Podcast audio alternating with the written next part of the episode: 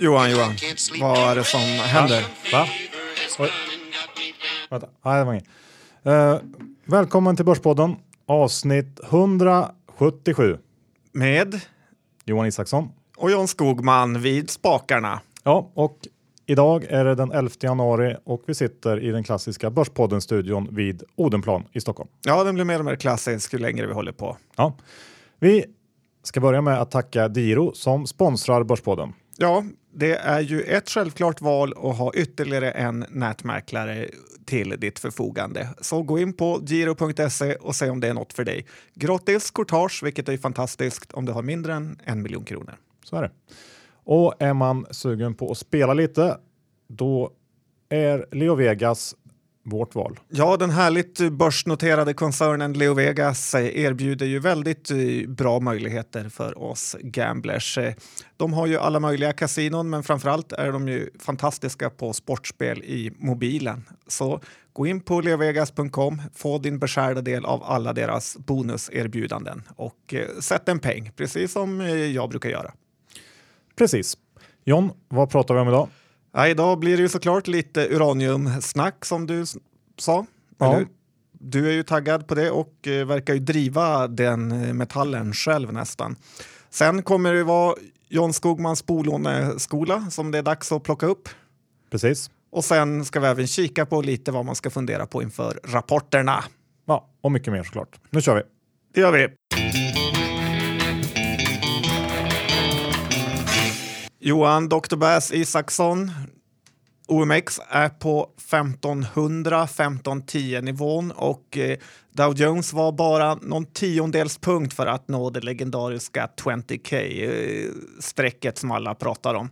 Eh, det betyder väl egentligen ingenting, men sista dagarna har vi haft lite svagare börs. Ja, det har i alla fall stannat upp lite grann här på slutet, vilket ju känns rimligt. Och vi börjar väl på något sätt närma oss en tidpunkt där den här glädjen och eh, det hopp som egentligen har karaktäriserat marknaden sedan Trump vann valet eh, ska omsättas då till tillväxt och i sin tur eh, ökade vinster. Eller kanske i alla fall en mer konkret beskrivning om hur det här ska gå till. Och det här får mig att tänka på Bill Gross senaste Outlook som kom ut igår. Den sparkade gamgubben från Alliance. Pimco. Pimco var det, ja. Ja, och nu är han på det här Janus eh, Capital eller vad de heter. Men fortfarande en bond, bondgubbe att eh, lyssna på ändå tycker jag. Och obligationspengar är smartare än aktiepengar som man brukar säga. Ja, det sägs så. Han pekar på att nu krävs det att BNP-tillväxten egentligen hoppar upp från de här 2 procenten i USA där vi har legat de senaste åren till någonstans 3 plus procent. Eh, För det är den nivå som har krävts historiskt för att få igång vinsttillväxten. Och eh, det här är han tveksam till då på grund av diverse olika faktorer. En del som vi har pratat om, det här med demografi, eh, skuldsättning och så vidare. Men han tog också upp eh, den fråga som kanske är viktigast för börsen just nu och det är, är den här 30-åriga trenden vi haft med sjunkande räntor på väg att vända.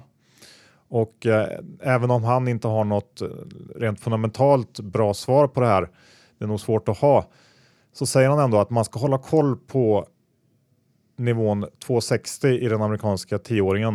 Eh, för om vi bryter upp över den här nivån, då menar han att vi har eh, sett starten på en ny lång eh, bond bear market. Så Billan har gått och blivit TA-analytiker på sista ja, tiden. det, så kan man ju tolka det. Vid 70 plus var det dags att ge sig in där.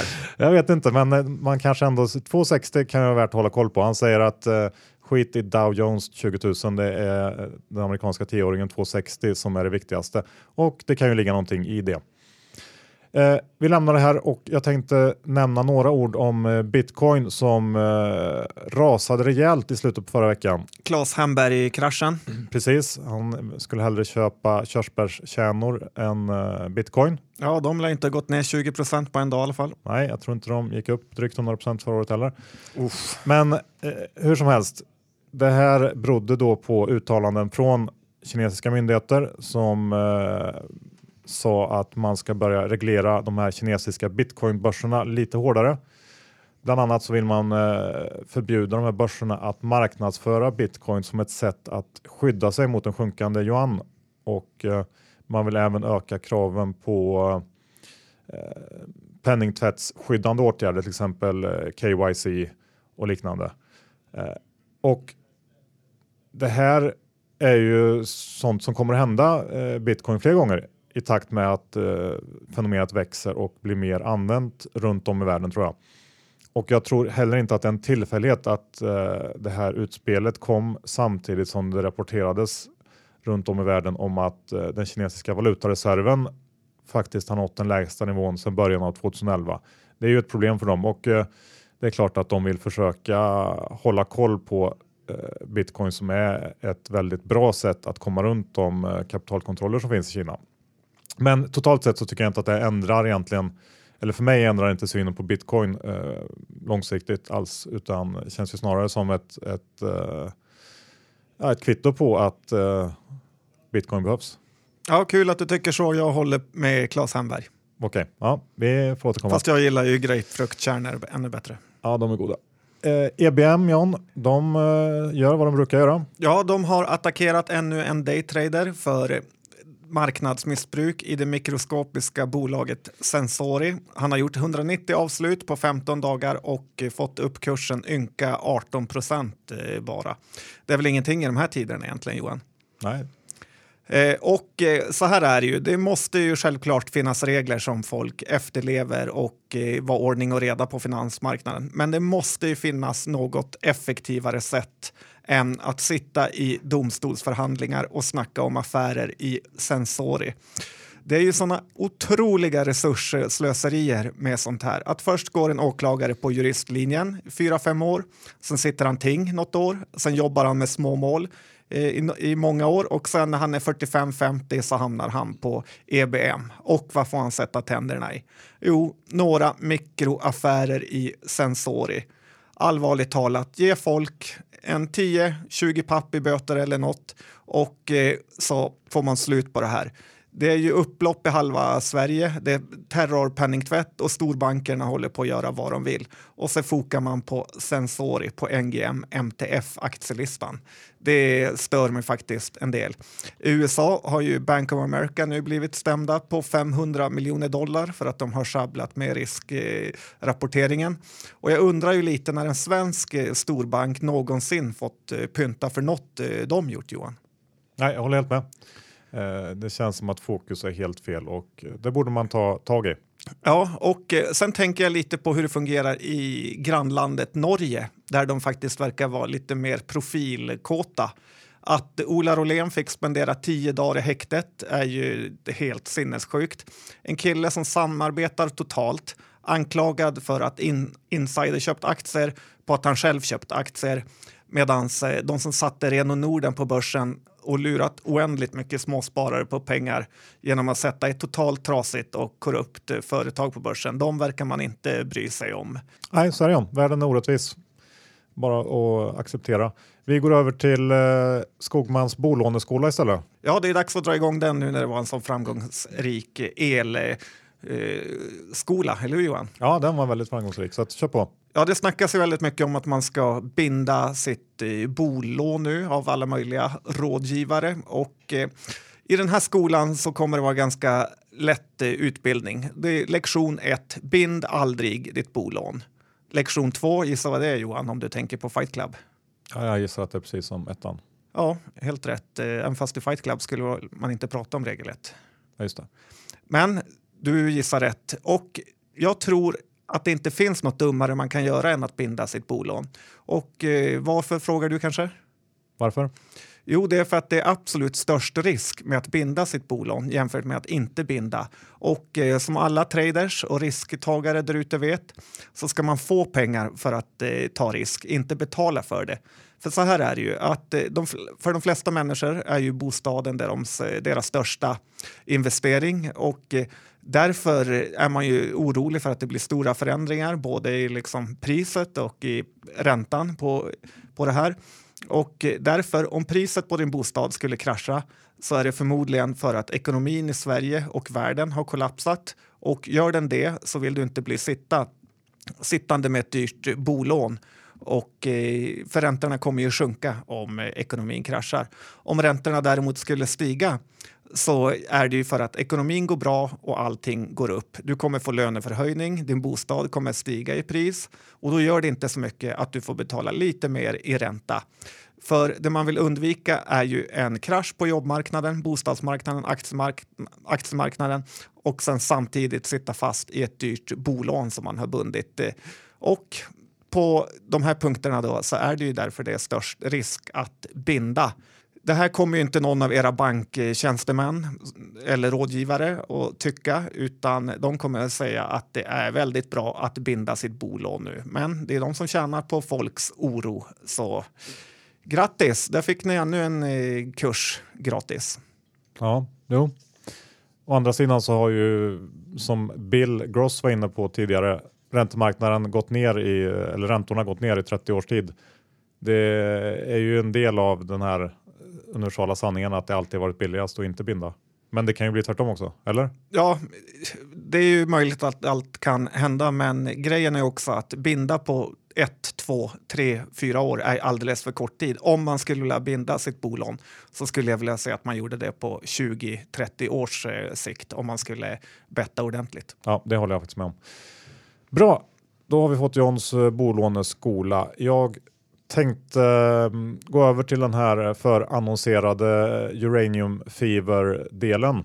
Ja, där har du haft eh, väldigt rätt. URA eh, ETFen har ju stigit som en raket. Ja, nu tycker jag väl att det kanske är lite tidigt att säga det. Det var ju 2017 års call och vi har gått en vecka ungefär. Men jag tänkte uppdatera lite grann. För igår meddelade Kazakstan alla vet ju att Kazakstan är världens största producent av uran, eller hur John? Ja, annars har man inte gjort hemläxan. 39 procent av världsproduktionen. De meddelade igår att man kommer att minska sin produktion med 10 procent under 2017 på grund av de låga priserna. Och att alla arbetare har dött.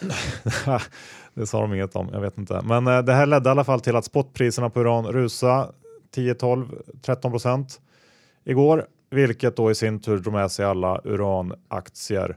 Och eh, den här urangruve-ETFen, URA, som du var inne på, har ju gått upp väldigt mycket eh, senaste veckorna. Eh, den steg 8,5 procent igår på det här och är upp eh, 21 procent i år.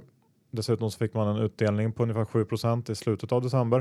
Eh, men sammanfattningsvis en väldigt bra start på året för uran och det blir spännande att följa det här. Ja, ska man sälja och ta hem vinsten? Ja, om man är nöjd med det så kan man göra det om man vill. Eh, jag ligger kvar här och ser vad som händer helt enkelt. Nu tänkte jag också avdelningen rättningar. Vi pratade, eller du pratade John, om Sagax Pref som bytt tick size eh, i förra avsnittet. Ja, det gjorde den till ettöringar. Ja, och eh, det fick vi direkt backning på. Det var inte på grund av någon lömsk plan från börsen att gynna HFT, säger de själva i alla fall. Eh, utan det berodde helt enkelt på att Sagax gick in i eh, large cap. De bytte eh, lista den 2 januari och då flyttades man också till ett annat eh, tick size, en annan tick size lista. Helt enligt regelverket. Ja, min, eh, jag tänkte inte just att eh, HFT-datorerna hade önskat det i Sagax-preffen. Det är mer en eh, kritik att eh, tick-sizen är så extremt eh, liten som ettöringar som stör mig. Ja. Men även där hade de ett svar, eller hur? Ja, precis. Och det är ju helt enkelt av konkurrensskäl att det går inte att ha andra regler än vad konkurrerande börser har. Så att eh, vi får helt enkelt acceptera det verkar det som. Nu pratar vi om något roligare. John, du har några förslag till hur din regering skulle se ut i Sverige om du fick bestämma ministerposterna. Ja, det är så. Trump ska hålla sin stora presskonferens eh, och eh, för första gången på ett halvår möta journalister. Eh, om man tycker att Johan Karlström verkar hata journalister så är det ingenting jämfört med Trump. Han twittrar ju nästan mer än en galen börssnackare, så lite orolig för hur framtiden ska gå blir man ju. Men det är inget vi kan göra något åt och eh, därför har jag satt upp en egen liten regering här som eh, jag skulle ha om jag blev president Johan. Ja, förra. Och eh, då tar vi den extremt viktiga posten som justitieminister som man pratar mycket om i USA och vet vem jag tillsatt? Nej. Snåljåpen. Oj. Jag känner att han skulle kunna vara stenhård mot brottslingar Eh, särskilt sedan han själv blev rånad för någon månad sedan. Han är lite av den här typen som eh, blev mobbad i gymnasiet men nu har kommit tillbaka hårdare än någonsin och vill eh, skipa rättvisa. Spännande. Ja, mer? Som utrikesminister hade jag ju satt dit det självklara valet eh, Per H Börjesson. Han hade glidit jorden runt och eh, kunnat styra upp väldigt eh, många grejer. Till exempel eh, David Isak hade varit frisläppt på några timmar efter att Per H glidit ner till Eritrea med en flaska Macmyra, några hur man blir miljonärböcker samt lite cool stuff, hamburgerpressar. Så även i kriget i Syrien hade nog varit löst rätt fort. Ja, okej, okay, mer. Och det är ju så att eh, på min första dag som president hade jag ju kickat Ingves eh, som jag inte tycker sköter sig. Eh, vi måste sluta vara landet eh, som har en valuta i klass med Sydafrikas och eh, Turkiet. Och här hade faktiskt du fått en post Johan. Tack. Jag känner ju att dina åtstramningar skulle vara rätt tuffa till en början men eh, extremt lyckosamma på lång sikt. Ja, men det, vilket förtroende. Ja, och sen har vi en post till som kanske inte finns idag. Ja, vilken då? Och eh, det är ju att jag tänker införa en rymdskatt på 1 på allting i hela Sverige som skulle gå till en rymdfond. Eh, de här pengarna skulle användas för att Sverige skulle ta på sig ledartröjan i att kolonisera Mars. Och som rymdminister Johan vill jag härmed presentera Labull som ett rätt eh, självklart val då han besitter oerhörda kunskaper inom det här området. Ja, den var, den var oväntad, men kanske inte så dum ändå. Nej, jag har stora förhoppningar. Ja. Sen har ju du också eh, någon typ av förslag till Miljöpartiet, va? När vi ändå är inne på politik. Ja, det var ju eh, partiledardebatten i riksdagen eh, första gången för det här året 2017 och eh, om eh, riksdagen var en börs så hade ju jag varit och varit riskkapitalist så hade jag faktiskt köpt ut eh, Miljöpartiet Johan. Okej, okay. hur tänker du? Ja, för bara namnet Miljöpartiet år 2017 borde ju kunna ge en 20-30 procent eh, i röster och nu ligger de på 4-5. Så att plocka ut det från eh, riksdagen i några år, kanske en fyraårsperiod, eventuellt åtta och sen sätta in det kring 2022, kanske 2026 valet med. Okej, okay. och då räkna med betydligt fler röster? Ja, det hade ju varit en 10 bagger. Ja, snyggt. Uh, Innan vi avslutar första avsnittet. Du John har ju fått en hel del kritik på slutet för dina lynchinspirerade analyser och jag gillar Twitterkommentaren glömmer aldrig avsnittet när Skogman varit i London och besökt två pubbar och såg att ingen drack Kopparbergs. Det, det, är, det är ganska kul. Men även Syding har ju hakat på det här tåget. Du kan väl spela upp vad han har sagt? Ja, alltså det här är ju både lite makro och mikro på samma gång. Men eh, jag lyssnade på Börspodden här för inte så länge sedan. Eh, mycket bra eh, podd för övrigt. Eh, alltid, alltid rolig och, och, intressant information. Men i det så, så John, han utövar någon slags totalt självbedrägeri då han går runt i, i affärer och ser om det är mycket folk, om det är rea och så vidare. Så till exempel om han tittar på H&M, då tittar han i en butik av kanske 3000. Han, han ser butiken i några minuter av ett helt kvartal eller ett helt år så att han får ju liksom inte med sig en miljontedel av vad som faktiskt sker i H&M. Och så, och så tycker han sig kunna dra någon typ av slutsatser för om det, om det kanske går bra eller dåligt. Det här går ju förstås absolut inte att använda till någonting, vare sig till en analys av det ekonomiska läget i stort eller om huruvida man ska köpa Hennes och Maurits eller Clas Olsson det kvartalet eller inte. Ja, John, vad har du att säga om det här? Ja, det var ju ganska eh, hårt mot mig tycker jag. Men jag ska säga att det här inte biter det minsta på mig. Det där låter ju mer eh, precis som när folk eh, vill vara smarta och lite besserwissriga som ska säga sådana där grejer. Tyvärr har ju Syding fått eh, utmärkelsen Hedge Fund Manager of the Year och eh, enligt hans bok har han ju tjänat 100 millar själv så att, eh, det gör ju, gör ju ändå att eh, man måste ha respekt för hans eh, åsikt. Men som sagt, eh, jag tar inte till mig. För mig är det lite mer som att jag behöver inte se när Zlatan sover, går på toa, duschar för att veta om han är en extremt bra fotbollsspelare eller inte. Det räcker med att jag tittar på första kvarten i en match så vet jag att eh, han är bra. Visst, man kommer viss, missa en hel del talanger på det här sättet, men i stort så kommer det också hjälpa till att man kan rensa bort en hel del. Och, och sen är det ju så att människor är ju faktiskt eh, rätt eh, lika. Är det tomt på en klädbutik på Bromma Blocks så är det förmodligen också tomt på Mall of eh, Scandinavia. Eh, alla tycker ju att de är väldigt unika, men eh, vi är ju faktiskt eh, rätt lika allihopa. Och det här med Kopparbergskritiken så är det väl, om jag kommer ihåg rätt, det är faktiskt England som är ett stort problem för Kopparberg nu, Johan. Fast det är väl, det är väl framförallt pundet som är problemen där. Jo, det är vad de säger. Men du, du kanske kan hävda att du på något sätt fick med dig den, den makrospaningen i det här också? Lite kan jag tycka att alla andra valutor i hela världen har eh, gått upp utom pundet som har gått ner lite och eh, att aktiekursen gått ner så här mycket. eh, Ja, jag är lite tveksam Johan. Okej, ja, vi får se. John, då ska vi prata lite mer bolagsspecifikt. Men eh, innan vi går in helt på det så är det ju snart rapportperiod och eh, du har eh, tänkt igenom lite vad man ska tänka på inför rapporterna. Ja, och det är ju alltid en chansning och lite lotto att rapportspäcka. Men dels är det ganska kul och hyfsat ofta har man ju ändå rätt. Eh, även, det är inte ofta man har tokfel och eh, det händer ju också. Men därför så kan jag ändå rekommendera att man tar lite små pussar om man vill eh, späcka. Och när man väl har tagit en rapportspäck eh, och eh, gjort eh, rätt så ska man inte göra den här klassikern att man säljer direkt för att man är nöjd att man har haft rätt. Utan då ska man köpa mer aktier och eh, försöka eh, få med sig hela den här rörelsen istället för att eh, bara ta småpengarna, Johan. Rida. Ja, lite så. Ja. Något mer?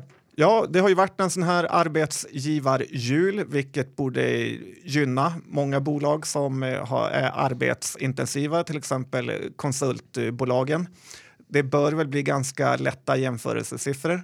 Dessutom så delar ju de här bolagen ut eh, ganska bra, vilket borde kunna ge en fortsatt hävstång när vi närmar oss utdelningsperioden. Så det är något att tänka på. Ja, Och sen har vi ju klädbolagen som har överraskat positivt. Eh, vintern har ju fortsatt och eh, det måste gått väldigt bra att sälja sportkläder sista tiden här. Eh, till exempel New Wave har ju haft stora insiderköp och det ska bli kul att se hur Torsten levererar, även om aktiekursen förmodligen är på väldigt höga nivåer nu. Och sen har vi fastighetsbolagen också som ska bli kul, roliga att följa.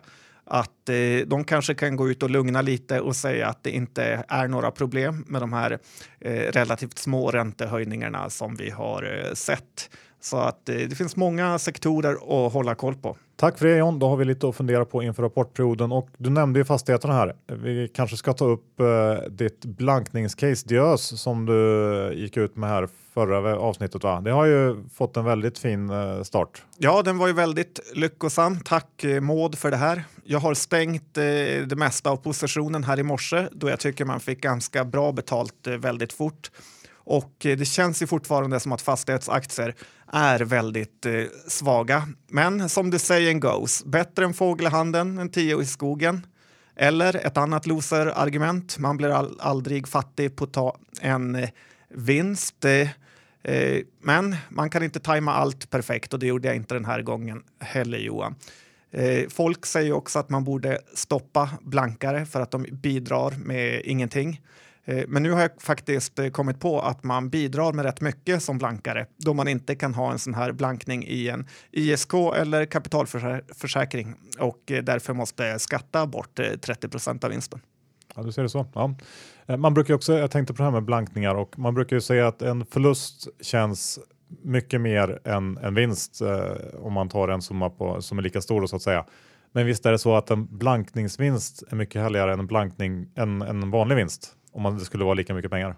Ja, så är det ju verkligen för mig då det är lite som att ge mig ut på uncharted territory och eh, försöka med en blankning. Men det är kul att det gick in. Ja, kul. Vi eh, byter spår och jag tänkte gå in på det här med eh, AI-bolag och AI-trenden. Förra veckan så eh, frågade jag efter tips på AI-bolag och jag har fått en del svar som jag tänkte vi kan lite snabbt gå igenom här nu. Jag får höra några spännande bolag som ska ta över världen. Ja, först ut är ju ett bolag som kanske inte är jättespännande utan det är ju helt enkelt IBM, eh, Warren Buffetts gamla surdeg. Ja, det är en riktig surdeg, även om den har eh, skärpt till sig lite från bottennivåerna förra året. Ja, precis. De har ju en AI-plattform som de har döpt till Watson som verkar ligga bakom många av de projekt som man kan läsa om i media just nu. De ligger bland annat bakom det här, eh, det här AI-systemet som jag pratade om i förra podden hos försäkringsbolaget i Japan. Eh, nu är ju IBM ett stort bolag, market cap 155 miljarder dollar. De redovisar inte den här Watson-delen. Jag misstänker att den fortfarande är försvinnande liten. eh, och jag tänker inte försöka ge mig på någon slags räkneövning och uppskatta hur stort det här kan bli. Men det som ändå är lite spännande med IBM är ju att det, det, det är ett bolag som har haft det tufft länge som du var inne på och varit mer eller mindre uträknat. Eh, Buffett har fått väldigt mycket kritik för den här investeringen. Eh, och även om aktien har gått bra det senaste året så är värderingen fortfarande relativt låg någonstans kring P 13-14 kanske. Och det kanske kan räcka med att själva storyn kring bolaget förändras för att aktien ska fortsätta upp. Eh, från att ha varit ett döende bolag till någonting som är ganska hett. Det kan räcka. Och ja, det här kan man ju faktiskt titta lite mer på om man vill. Jag har inte gjort det, men, men ja, det kanske finns någonting där. Ja, IBM vill ju mycket upp till molnet också och eh, där kan det ju också finnas stora vinster att göra. Problemet, som i alla fall var förra året, att de hade haft 17 kvartal i rad med minskande försäljning. Så när väl det vänder så kan det här faktiskt också vara ett case att räkna med. Mm. Sen fick jag tips om ett bolag som heter Blue Prism. Det här är ett bolag som är noterat i England som robotiserar backoffice inom bank och försäkring. Det här bolaget gick till börsen så sent som i mars 2016 och är upp 340 procent sedan dess. Jag var således inte jättetidig med att fundera på AI som tema. Eh, det här bolaget, det är ett väldigt litet bolag. De växer ju snabbt men går med förlust. Värderas till 3,5 miljarder kronor. Eh, det är säkert spännande, men eh, det är ingenting för mig i alla fall. Det är för mycket förväntningar i den, den prislappen. Nej, det är ju kul att det går att tjäna så bra med pengar på aktier för de som är inne tidigt. Ja, så är det. Eh, sen har även fått eh, lite tips om AMD, chiptillverkaren. De har tydligen en ny produktlinje ute för machine learning. Eh, den här aktien har tyvärr också gått väldigt bra om man nu ser det som en, någonting dåligt. Den är upp 430 procent på ett år. Uh, och uh, ja, det verkar finnas en hel del förväntningar helt enkelt på det här området. Nvidia som du har varit inne på uh, för några avsnitt sedan har också gått extremt bra och är ganska dyr nu. Det är också ett, ett bolag som då kommer att eller förväntas rida på den här vågen. Sen dök det också upp ett mejl om en ETF som jag tyckte såg lite spännande ut. Det var en ETF som fokuserar helt på AI, robotiseringsbolag. Den heter Global X Bots, kortnamn BOTZ. När det gäller generellt med ETFer tycker jag att man ska gå in och titta på eh, vad det är för bolag de innehåller. Eh, när det är en sån här ETF så eh, är jag inte säker på att jag själv skulle köpa det. Jag tycker att det kanske är lite för bolagsspecifik trend för att man bara skulle vilja köpa den rakt av. Eh, för de här uranbolagen så är det lite mer eh, skitsamma känner jag. Då är det uranpriset som spelar roll och ja, går det upp så går alla bolag upp och vice versa. Riktigt så är det ju inte när det gäller teknikbolag. Men det, man kan gå in och titta på innehaven och då eh, genom dessa få inspiration till att gräva vidare själv. Och jag gick in och kollade på innehaven som den här ETFen hade och det fanns en hel del intressanta bolag. Eh, så det kan jag ju tipsa om för de som vill gräva vidare. Där har man, där har man en, en eh, shortlist på kanske 30 bolag där man kan se om man hittar någonting som ser riktigt spännande ut. Ja, ett bra exempel på det är ju när de amerikanska ETFerna i för Danmark som består av kring 40 procent Novo Nordisk. Eh, inte särskilt kul ETF. Nej, precis. Så att det där är ju, är ju ett, en fallgrop när det gäller ETFer. Man måste kolla att man får det man vill ha helt enkelt. John, du har också en eh, rapport ifrån staterna idag. Ja, men det är dags eh, att eh, titta lite vad som har hänt där. Och eh, Google, som vi nämnde förut eh, tappade mycket i slutet av förra året eh, på grund av Trump, men har nu kommit ikapp. Aktien är nu över 800 dollares igen och om man gillar Google, eller inte gillar Google för den delen, så kan man läsa Agatons nyårsspaning som är väldigt intressant skrivet om det här företaget. Amazon var ett annat bolag som pressades hårt av Trump och eh, den är också på väg tillbaka över 800 dollars eh, strecket. Lite kul också att båda de här bolagen handlas i 800 dollar. Ja, nej, eh, jag kan hålla med om Google, men jag är lite rädd för att amerikanska myndigheter ska börja ha åsikter kring hur eh, stora Google börjar bli och att konkurrensmyndigheter och liknande börjar lägga sig i där. Liten varningsflagg där tycker jag för det. Ja, sen har vi Chipotle och eh, de har ju haft eh, verkligen lite av en bajsmacka här med sin E. coli-härva.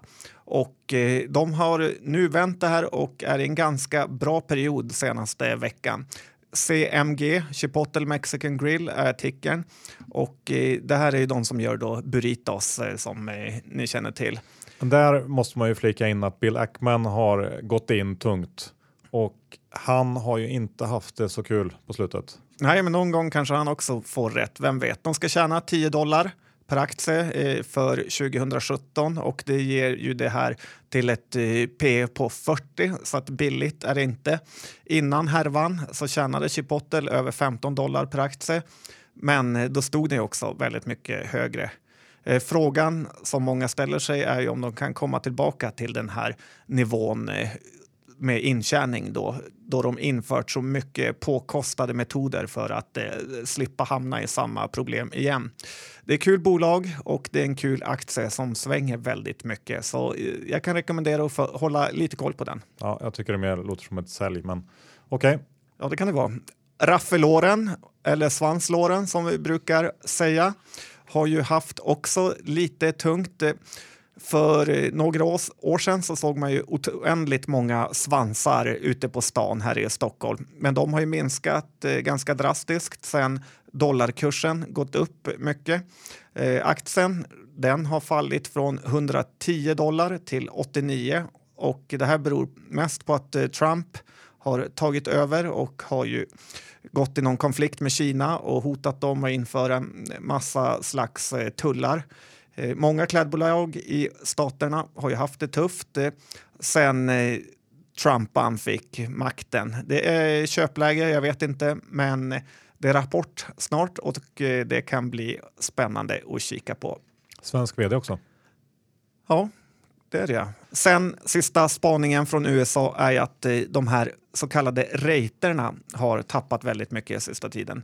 Uppemot 20 procent på den här ränteoron. Och eh, det är lite intressant att eh, fastighetsaktier tappar mycket i USA för att Trump har tagit över, som själv är en fastighetsmagnat. Och eh, ja, det är spännande. Tittar man på aktierna som har fallit mycket så har den legendariska eh, eh raten Reality Income med ticken O, eh, det som är bolaget som delar ut pengar varje månad, eh, har fallit mycket och även OHI som står för Omega Healthcare som investerar i hälsofastigheter, typ sjukhus och så vidare. Och DLR är väl någon typ av eh, teknopolis eh, eh, företag som investerar i finansfastigheter och teknologifastigheter. Så en liten rapport därifrån. Tack för det John. Bra. Och jag tänkte att eh, ta ett litet svep med handelsbolag nu när vi haft jul, mycket handel och så vidare. Europris först ut. Vi har pratat om dem tidigare. Eh, den aktien har gått lite knackigt sista månaderna och de kommer med rapport 17 februari och inför den så ska man väl komma ihåg att man har ganska tuffa jämförelsesiffror där eh, Q4 under både 2015 och 2014 var riktigt stark. Eh, men med det sagt så pekar den här generella handelsstatistiken i Norge för att det var en ganska bra fart på shoppandet i Norge under kvartalet och det som eh, har varit det största problemet för Europris sista tiden är ju den svaga norska kronan som tynger bruttomarginalen och eh, eh, det har också varit kanske den största orsaken till att estimaten för eh, bolaget har kommit ner under eh, de senaste månaderna här. Men totalt sett, om man tittar på det, så handlas aktien fortfarande till en rabatt mot peers trots att man har en högre tillväxt och inför 2017 här så ligger P på strax under 14 och ev-ebit på strax över 12. Eh, och det känns, tycker jag, eh, fortsatt som ett intressant val. Så att, eh, men det blir intressant att se rapporten 17 februari. Europris. Europris, ja. Och så tänkte jag bara säga några ord om uh, H&M. Ändå. Hennes och eh, Maurits. Precis, alla vet att de har haft ett tungt år eller flera tunga år och att du John har varit väldigt kritisk ett bra tag och haft rätt i det. Tack. Men att aktien har gått ner innebär ju också att förväntningarna har kommit ner och eh, undrar om det inte finns en liten, liten möjlighet att 2017 ändå kan bli ett år då H&M kan överraska positivt. På något sätt så är låga förväntningar grunden till egentligen all lycka. Ja, det är Charlie Mangers egna ordspråk. Okej, okay, ja. då delar jag det. Eh, och det som jag tycker känns mest intressant här det är att din favorit KJP har sagt att kostnaderna ska komma ner under 2017 efter många år av tunga investeringar i IT, online och så vidare. Det här har däremot inte analytikerna tagit fasta på. De kanske precis som du är trötta på H&M nu efter år av eh, ja, besvikelser helt enkelt. Eller inte lita på KJP. Ja, så kan det också vara. Eh, konsensus spår en eh, mer eller mindre oförändrad kostnadsnivå Eh, som då andel av sales och eh, för 2017. Och här kan det faktiskt finnas något, för om, eh, om han har rätt och det blir lägre kostnader, då kommer det då slå igenom på resultatet och det finns, ja jag tror kanske att det finns någonting här. Det ska bli väldigt spännande att se. Ja, personligen är jag mer orolig än någonsin för H&M's framtid. Vi har ju sett många bolag genom tiderna, Gap, Sears med flera, som har alla det gått väldigt, väldigt bra för och sen kollapsat under en lång period. Och eh, ja, jag hoppas de tar sina problem på allvar för att kunna här, få ordning på det svenska flaggskeppet. Ja, men jag, jag håller med kanske om de långsiktiga utsikterna. Det känns eh, lite svajigt. Men om man ser det som ett lite kortare, i ett kortare perspektiv, det närmsta året här, så bör försäljningen inte fullständigt braka ihop och det är där jag tycker att det kan finnas en liten, eh, en liten möjlighet helt enkelt. Ja, ser man en trade ska man ta den. Så är det. Och sist av allt John, så ska jag bara den här veckan igen kommentera Vestas som eh, efter den här orderfloden som kom i december så förra veckan så kom de med en kassaflödesprognoshöjning för 2016. Nu räknar man med 1,5 till 1,6 miljarder euro från tidigare 1 miljard.